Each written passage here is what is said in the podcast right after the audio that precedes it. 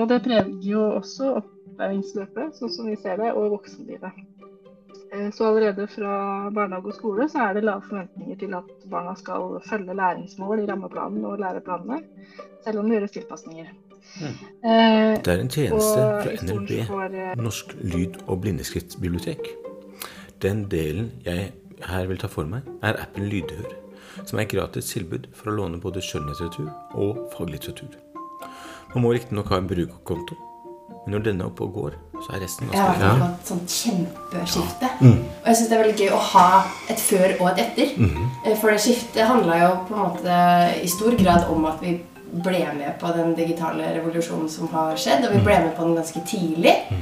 Eh, Vi var med i et pilotprosjekt, eh, så ikke bare ble vi med Og tidlig, jo men vi fikk også kjempegod opplæring. Så jeg synes men det, det lukka jeg øynene for. Mm. Eh, og så flytta jeg til Oslo, begynte på Blindern på Nord-Amerika-studier. Tenkte at ok, nå tar jeg en master i dette her, og så vil jeg gjerne jobbe utenriks. Det, det var det jeg hadde lyst til. Mm. Eh, og så tok jeg noen ringevikartimer eh, mens jeg studerte. Eh, Klassisk, det. Ja. Ja, ja. ja, ja. Og jeg tenkte at ja, men how hard can it be? Eh, jeg skulle starte første klassen jeg var, skulle ha vært Etter hvert ansvar da for- elever med eh, spesielle behov, særskilte behov. Mm. Og kjente veldig på at det ga meg mye. Ja, ikke Det var veldig meningsfullt. Ja.